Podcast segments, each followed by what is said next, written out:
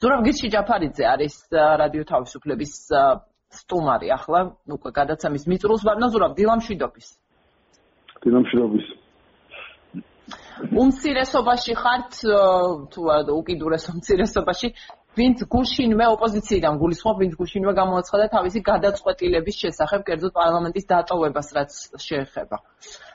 დავით ბაქრაძის გადაწყვეტილება ვიცით ასევე ტექსტურად გავცელდა რა რას ცვლიდა ანუ რატომ რატომ არ დაიცადეთ ასე ვთქვათ და რატომ ჩათვალეთ რომ გარეთ ახლა უმჯობესი რა არის უკვე რთული გასარკვევია მაგრამ რომ პარლამენტს მიღმა უმჯობესია თქვენ თქვენი ყოფნა.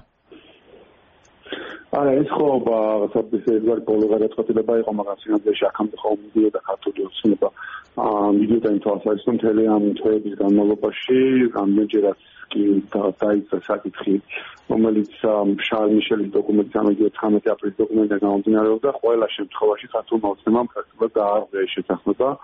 ყოველ ჯერზე ახდენდა ინტერპრეტაცია სამშეთანხმების ტექსტის ისე როგორც მათ აწყობდა ეს დაიწყო ამნისტიის კანონ პროექტი, თუმცა გადაწყვეტეს რომ თითქოს ეს ამნისტიის კანონ პროექტი ამნისტიის იდეა იქ ჩადებულიყო იმისათვის რომ რაღაცა ყოველასთვის ყველაფერი აპატიებინათ 20 მის თანამდებობაში შემდეგ აგრძელდა ეს საარჩევნო სისტემის ცვლილებები, სადაც საკონსტიტუციო ნათების ცვლილებები საერთოდ დაწყებულა, ხოლო მეორე ნაწილში ცვლილებების მიღმა, რაც მნიშვნელოვანი იყო მაგალითად ტექნოლოგიური ცვლილებების შემოტანა შიგნით, მანამდე შეთანხმება იყო საერთოდ დაივიწყეს და შემდეგ. შემდეგ გაგრძელდა მასაჯულების ნაწილი, რომელიც ყველაზე კრიტიკული იყო ჩვენი დასავლეთ პარტნიორების გადმოსახედიდან და ყველა შეხვედრა რომელიც მქონია საქართველოს განმავლობაში, ყველგან ხოლმე ხოლმე მასაჯულების სისტემაზე იყო საუბარი, მათ შორის სენატორებს, როდესაც სპორტი ვიზიტი იყო, იქაც ხოლმე ხოლმე ამ თემაზე იყო საუბარი. და აქ მიუხედავად იმისა, რომ ამერიკის საერთო მარკერი დაუხადა რა იყო გასაკეთებელი, მაინც სულიად უგულებელყო ეს ჩვენი დასავლეთ პარტნიორების რეკომენდაციები და ჩააბეტონეს პრაქტიკულად უზენაეშის და იუსტიციის უმაღლე საბჭოშიც კლანი, რასაც წავარი არცეთ მოყვა ჩვენი დასავლელი მეგობრებისგან. რომ ამის გაგრძელება იყო საბოლოო ჯაში მასშტაბს ვამბობდი, რომ ისინი ყველაფერს ცდილობენ ნუ მომენერად ოპოზიციამ თქვას უარი ამ ჩამიშებში თქმა თქვას რომ შეთანხმება ჩაშლია რომ შემდეგ 53%-იანი დათქმა ავტომატურად აღარ მოქმედებდეს. მაგრამ საბოლოო ჯაში მივიდნენ იქამდე რომ ოპოზიციამ ეს მაინც არ გააკეთა ხელმოწერო პარტიებმა განსაკუთრებით და შესაბამისად თვითონ გავიდნენ ხამ შეთანხმება რომ ეს 53%-იანი დათქმა რომელიც ჩაიგდო შეთანხმებაში აღარ მუშაობდეს.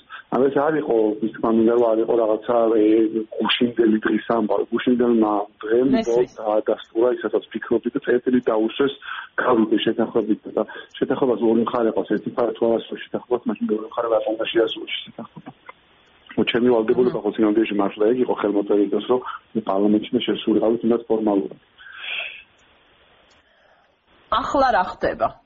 ანუ დღეიდან ხვალიდან რა რა როგორ თქვა რა რეჟიმში აგრძელებთ მუშაობას? კონკრეტულად თქვენი თქვენი დღის წესრიგი რა არის ახლა? აი რა სეტყვი თქვენ სამომრჩევლებს? ამ წუთი გუშინ დღიდან არჩევნებზე რა სეტყვი? ხო არ ვიცი. კი, კი, ამ გუშინ დღიდან როცა განცხადება გააკეთეს რაღაც კონსტიტუციები დაიწყეთ თავი კომუნიკაცია გვაქვს ყველა სხვა პარტიებს ერთმანეთთან. აა სხვადასხვა ვერსიები განიხილება, ჩემი აზრით, გუშინ ასე რომ ჩემი აზრით ყველაზე სწორი ვერსია საბოლოო ჯამში მაინც არის მიუხედავად იმისა, რომ ოცნება გავიდა ამ შეთანხმებიდან, ოპოზიციის გაშლა ადგილობრივ არჩევნებზე და ამ ადგილობრივ არჩევნების მაინც ქცევა რეფერენდუმად მიუხედავად იმისა, ოცნება რა განცხადება გააკეთა გუშინ და საბოლოო ჯამში დემონსტრირება ევროპაში ამ ქვეყნის მოქალაქეებისთვის, რომ მათ დაიჯეროს და მეორე მხრივ ჩვენი დასავლელი პარტნიორებისთვის, რომ ამ ხელისუფლებას და ამ პოლიტიკურ ძალას ამ ქვეყანაში ლეგიტიმაცია აღარ გააჩნია. ეს არის გასაკეთებელი ჩემს, ანუ მაინც გასასვლელი არჩევნებზე და მაინც საჩვენებელი რომ ოცნებას ხარდაჭერა აღარ აქვს საკმარის იმისაც რომ ამას ქვეყანა მართოს. და ამის შემდეგ მე დაწმობთ მაინც მოხ ხელახალ არჩევნებმა ეს არჩევნები ერთადერთი სწორი და რაც შეიძლება მიმართოს. ოცნება ჩემი აზრით მუშინდელი განცხადებით ცდილობს რომ მუხტი დააგდოს იმიტომ რომ მათთვის გასაგებია რომ ეს არჩევნები იქნება ჩვეულებრივი ადგილობრივი არჩევნები ჩვეულებრივი ადგილობრივი არჩევნები როგორც ეს მოქალაქეები ნაკლებად აქტიურობენ და ნაკლებად გამოდიან და საშუალებას მისცემს დააგდოს ყოველთვის ხაიცობაში ყო პარტიას რომ საკუთარი რესურსი დაამობილიზოს და მაღალი პროცენტი არჩენოს, მაგრამ თუ ეს არჩევნები ჩვენ შევძლებთ და ვაქციეთ მაინც რეფერენდუმად, კიდევ უფრო მიუხედავად გუშინდელი განცხადებისა, მაშინ ბევრი ადამიანი გამოვიდა, მაშინ ოცნება დაიგებს აბა პროცესში შემოშოთ ყოველთვის გასაგები იქნება როგორც ქვეყნში ისე ქვეყნის გარეთ ოცნებას ლეგიტიმაცია აღარ გააჩინა ჩვენ ვიღოთ მაინც ხელახლა აჩვენა ეს არის ჩემი ეს გასაკეთებული და ეს არის ერთადერთი გზა რომელსაც მე ხავ ხედავ. ის მის ფავორიტების განიშნება მათ შორის ბოიკოტის ვერსია და ასე შემდეგ. მგონია რომ არც სწორი არ არის ამ ვერსიისგან მიხედვით ანუ ზოგი ჭირი მარგებელიას მიმართულება რომ გავაგრძელოთ.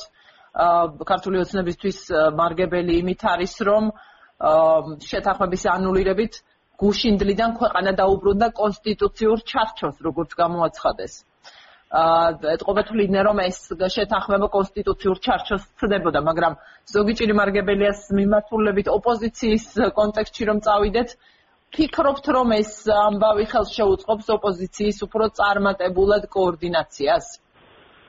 ამ სავარაუდოდ კი ანუ ხადე ხა ეს და იმედებს გამოთხოვ უფრო ვიდრე რაღაც კონკრეტულ ფაქტებს სარწმუნოა მაგრამ სავარაუდოდ კი მათ შორის გონია რომ თუ კიდე ვინმეს კითხვის ნიშნები ქონდა დარჩენილი კიდე ქვეყნის გარეთ კიდე ქვეყნის შიგნით იმასთან დაკავშირებით რომ ოცნება არ თუ არა პოდასალური ძალა და ასე შემდეგ ასე შემდეგ მე მგონია ეს კითხვა ამ კითხვის ყოველ პასუხი გაეცა მათ შორის თუ კიდე მეც ქონდა ხო კითხები თუნდაც ამ შამ მიშელის დოკუმენტთან დაკავშირებით სწორი იყო თუ არა ხელმოწერა და მესული გახდა და მას როაჩეს და შემდეგ აი დღეს ისე როგორც არადო დაწუნებულა საბოლოოში სწორი იყო მაგრამ ხელმოწერა იმიტომ რომ რაღაცნაირად ესე გამოვიდა რომ ბოლო შანსი იყო მიცემული ჩვენი დასავლეთ პარტნიორების ხრიდანაც და არგუმენტი აღარ დაჩათ ყოველ შემთხვევაში აღარ ევროპელებს და აღარ ამერიკელებს რომ რაღაცნაირად კიდე გაამართლონ ოცნების ქცევა, უპირდაპირ პირდაპირ გადააგდეს ისინი როგორც გადააგდეს ყველა სხვა და ამ თვალსაზრისით მგონია რომ რაღაცა ბევრი შეიძლება კიდე რაღაცა თვალის ამხელი ყოფილიყო ვისაც რაღაცა ილუზიები კიდე ქონდა დარჩენი და ეს რეაქცია რაც უკვე გუშინ დაიწყო დასავლეთის მხრიდან მგონია რომ კიდე გაგრძელდება დღესაც გაგრძელდება მომდევნო დღეებში იქნება. ეს მგონია რომ მათ შორის მნიშვნელოვანი იქნება საზოგადოებრივი აზრის თვალსაზრისით გადატეხის თვალსაზრისით ანუ ადამიანები ბევრი არიან ჯერ კიდევ ამ ქვეყანაში ვისაც ბევრი მიზეზის გამო ზოგს მის გამო რომ ნაციონალურ მოძრაობა ეკითხება ნაციონალურ მოძრაობის დაბრუნების ეშინია ან ოპოზიცია ინსტიტუტის ზოგადად არ მოწონს და მილიონი მიზეზი შეიძლება ასეოდეს და ამის გამო მაინც იხრება ოცნებითკენ რადგან რადგან ფიქრობს ოცნებას პრო დასავლური ძალა ეს დასავლეთის რეაქცია თუნდაც განცხადების დონეზე ბევრს აზრით კიდე თვალს აუხებს რომ ოცნებამ დაამთავრა პრინციპში პრო დასავლური კურსი ამ ქვეყნის გუშინდელი განცხადებით. ჩემს მანამდე მაგრამ გუშინ რაღაც წერტილი დაუსვა და ეს განწყობებზეც იმოქმედებს და საბოლოო ჯამში თუ ოპოზიცია აქტიურად და მობილიზებული გავა ადგილობრივ არჩევნებზე არჩევნების შედეგებზეც აუცილებლად მოახდენს გავლენას. კეთილი ბატონზურაბ ძალიან დიდი მადლობა დღეს გადაცემაში მონაწილეობისთვის. არ არის ესე მალე რაღაცების თქვა განსაზღვრა და განმარტება ძნელი. დიდი მადლობა თანამშრომლობისთვის დღევანდელ ეთერში. ზურაბ გიჩი ჯაფარიძე იყო რადიო თავისუფლების სტუმარი. ჩვენი ეთერი დასასრულს მიუახლოვდა.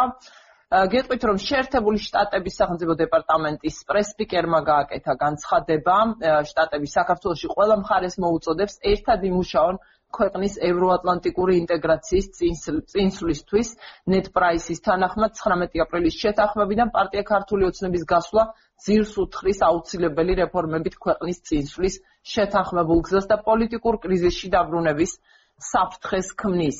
განცხადებები კიდევ იქნება, გეტყვით კიდევ ერთხელ რომ დღეს დილით გავცელდა ინფორმაცია საქართველოს პრეზიდენტისა და ევროპული საბჭოს პრეზიდენტის საფრანგეთში შეხვედრის შესახებ.